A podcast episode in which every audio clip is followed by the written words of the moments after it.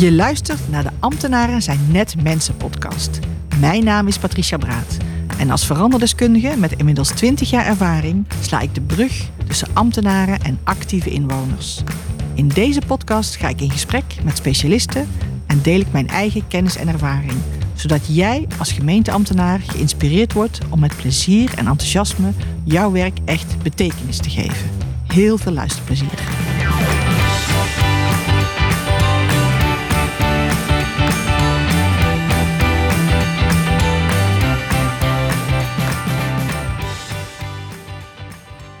In de vorige podcast heb ik Maren de Vos geïnterviewd. Maren is een jonge ambtenaar die als beleidsmedewerker prostitutie bij de gemeente Hilversum werkt. Ik vond het heel inspirerend om te horen hoe zij op haar leeftijd op een dergelijk ingewikkeld beleidsterrein haar eigen weg weet te vinden en met grote betrokkenheid bij haar doelgroep invulling geeft aan dat beleid. Ik wilde heel graag een jonge ambtenaar spreken, omdat ik vaak merk dat mensen in de samenleving een negatief beeld hebben van het werk als ambtenaar.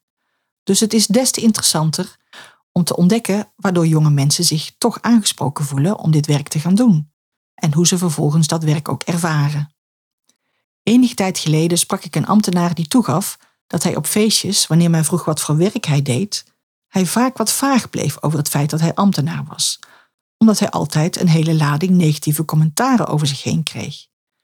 Iedere beroepsgroep heeft wel met vooroordelen te maken maar het imago van de ambtenaar heeft door de jaren heen behoorlijk wat klappen gehad. Terwijl de meeste ambtenaren met hart en ziel hun best doen voor de publieke zaak en ook essentieel zijn voor het goed functioneren van de maatschappij. Maar in dit geval is het ook een zaak van onbekend maakt onbemind. Het is voor veel inwoners onduidelijk wat een ambtenaar nou eigenlijk doet. En in veel gevallen komen ze pas in aanraking met een ambtenaar wanneer er sprake is van een vraag of een probleem. En omdat de systeemwereld in veel gevallen niet aansluit op de leefwereld, ontstaat er onbegrip. Inwoners snappen niet waarom het allemaal zo lang moet duren. En wanneer er dan een reactie komt, deze vaak in onbegrijpelijke taal wordt geschreven. Maar het is natuurlijk niet de bedoeling dat dit beeld van de ambtenaar een self-fulfilling prophecy gaat worden. Dus het is des te belangrijker dat het imago van de ambtenaar een positieve boost krijgt. Want een positief imago zorgt ervoor dat er nieuwe instroom blijft komen. Op dit moment is slechts 23,5% van de ambtenaren jonger dan 35 jaar. In sommige onderzoeken wordt zelfs gesproken over slechts 19%. Terwijl nieuwe instroom van jonge ambtenaren ook ervoor zorgt dat er weer met een frisse blik naar het werk wordt gekeken. Ik heb mijn hele carrière jonge mensen begeleid als coach of als stagebegeleider. En ik heb hen altijd gestimuleerd om zoveel mogelijk waarom-vragen te stellen. Waarom doen jullie dit op deze manier? Waarom is deze procedure zo opgebouwd? En ga zo maar door. En ook om nieuwe voorstellen te doen, hoe raar ze soms ook klinken. Ik moet ook eerlijk bekennen dat ik allergisch ben voor de uitspraak: we doen het al twintig jaar zo. Ik heb dan vooral de neiging om te zeggen dat dit juist een reden is om het een keer anders te doen. Ik weet hoe moeilijk verandering is, maar alles verandert voortdurend. En jonge mensen zijn prima in staat om kritische vragen te stellen over werkzaamheden die voor de medewerkers die het al langer doen vanzelfsprekend zijn. Ze houden ons op die manier scherp. Maar als het dan als gemeente lukt om jonge mensen aan te trekken, is het ook belangrijk om ze te behouden. Uit een onderzoek door het AO-fonds Gemeente blijkt dat er op dat punt wel wat te verbeteren valt. De laatste drie jaar is de uitstroom van jongeren steeds gestegen van 14% in 2016 naar 19% in 2019. Eén op de negen jonge ambtenaren verlaat de gemeente weer in het eerste jaar. Als belangrijkste reden voor die uitstroom wordt bureaucratie genoemd en pas op de tweede plaats de onmogelijkheid om door te kunnen groeien. Jonge ambtenaren geven aan dat impact realiseren belangrijk voor hen is. Meer dan de helft van alle jonge ambtenaren noemt de bureaucratie binnen de organisatie als belangrijkste reden om eventueel te vertrekken bij de gemeente. Het duurt hen te lang om iets gedaan te krijgen. Het belang van impact komt ook terug in mijn interview met Maren. Het werk bij de gemeente spreekt haar juist aan omdat het dicht staat bij de mensen om wie het gaat en je daar dus concreet een verschil kunt maken in de werk- en leefomgeving van mensen. Ik vroeg in mijn interview aan Maren wat zij belangrijk vindt om haar werk goed te kunnen doen. En zij noemde onder andere ruimte en vrijheid om het werk naar eigen inzicht in te kunnen vullen. Maren krijgt gelukkig die vrijheid en ruimte en daar maakt ze zo optimaal mogelijk gebruik van. Ondanks het feit dat ze in een periode is begonnen waarin alles online gaat en zij meer moeite moet doen om nieuwe collega's te leren kennen, heeft ze al een groep collega's vanuit verschillende disciplines om zich heen verzameld die samen met haar mee kunnen denken over haar beleidsterrein. Ook heeft ze haar kennisnetwerk uitgebreid naar andere gemeenten die al lange ervaring hebben met het prostitutiebeleid. Ze vindt het heel helpend dat ook collega's uit andere gemeenten de bereidheid hebben om haar kennis met hun te delen. Maren laat hier een aantal belangrijke kenmerken van persoonlijk leiderschap zien. Ze breidt haar kennis en vaardigheid uit door hulp te vragen en een eigen netwerk om zich heen te verzamelen. Vanuit haar inzicht over haar eigen capaciteiten zoekt ze de juiste hulpbronnen en daarmee wordt haar cirkel van invloed steeds groter. Ook heeft ze een heel duidelijk beeld waarom ze dit werk doet en specifieker waarom ze voor dit beleidsterrein heeft gekozen. Dus ook haar drijfveer is heel duidelijk.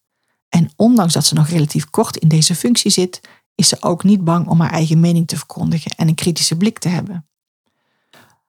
Maar ik wil nog graag even terugkomen op bureaucratie. Want ik gun heel veel gemeenten jonge ambtenaren zoals Maren. En bureaucratie is ook hetgeen wat maakt dat veel actieve inwoners afhaken. Als je de betekenis van het woord bureaucratie opzoekt op internet, krijg je minimaal 14 betekenissen, waarvan het merendeel een negatieve bijklank hebben. Woorden als heerschappij, ambtelijke molens, macht en ingewikkelde regels komen hierin terug. En ook al ben ik geen grote fan van procedures en regels, hebben ze wel nodig om de maatschappij draaiende te houden. En vaak is er binnen de huidige wet en regelgeving vaak veel meer mogelijk dan men denkt. Ik haal daarbij vaak het voorbeeld aan van het onderzoek dat een aantal jaren geleden is uitgevoerd om de regeldruk in de zorg terug te dringen. Hieruit bleek dat 70% van de regels waar de zorg in de uitvoering last van had, door de sector zelf was ingevoerd. En ik ben ervan overtuigd dat ook bij de overheid meer mogelijk is met minder regels. Handelen in de geest van de wet of in de letter van de wet is daarbij een mooi principe. Maar dit vraagt ook vertrouwen en veiligheid binnen het systeem. Het thema van psychologische veiligheid komt in een van de volgende podcasts nog aan bod. Wat kun je als ambtenaar concreet doen om de bureaucratie binnen je eigen werkomgeving terug te dringen? Wanneer je een regel tegenkomt die in jouw ogen contraproductief werkt, stel die dan ter discussie. Vraag aan je collega's of zij hetzelfde ervaren en verzamel argumenten en feiten over waarom je deze regel contraproductief vindt.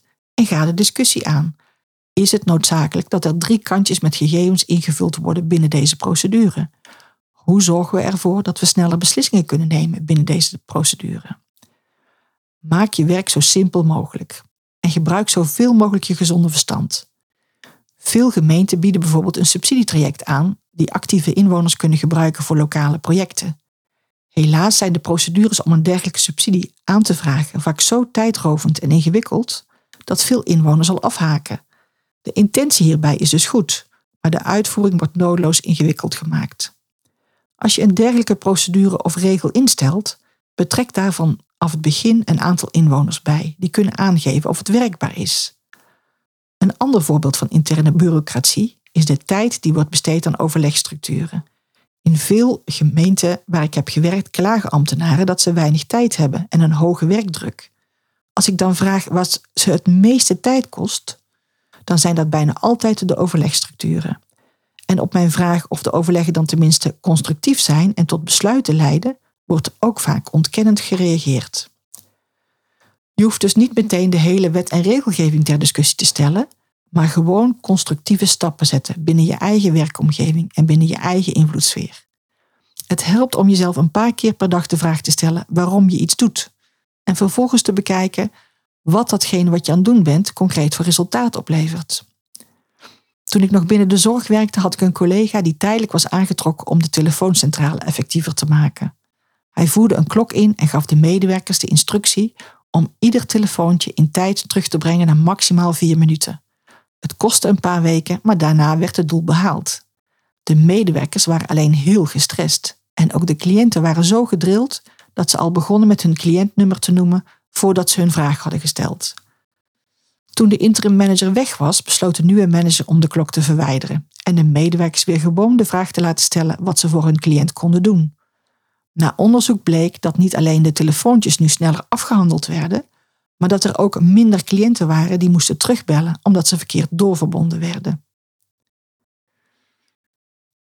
Dus daag jezelf eens uit deze week en neem jezelf voor om één keer deze week eens kritisch naar je werk te kijken en na te denken of je iets kunt doen om het makkelijker, sneller of begrijpelijker te maken.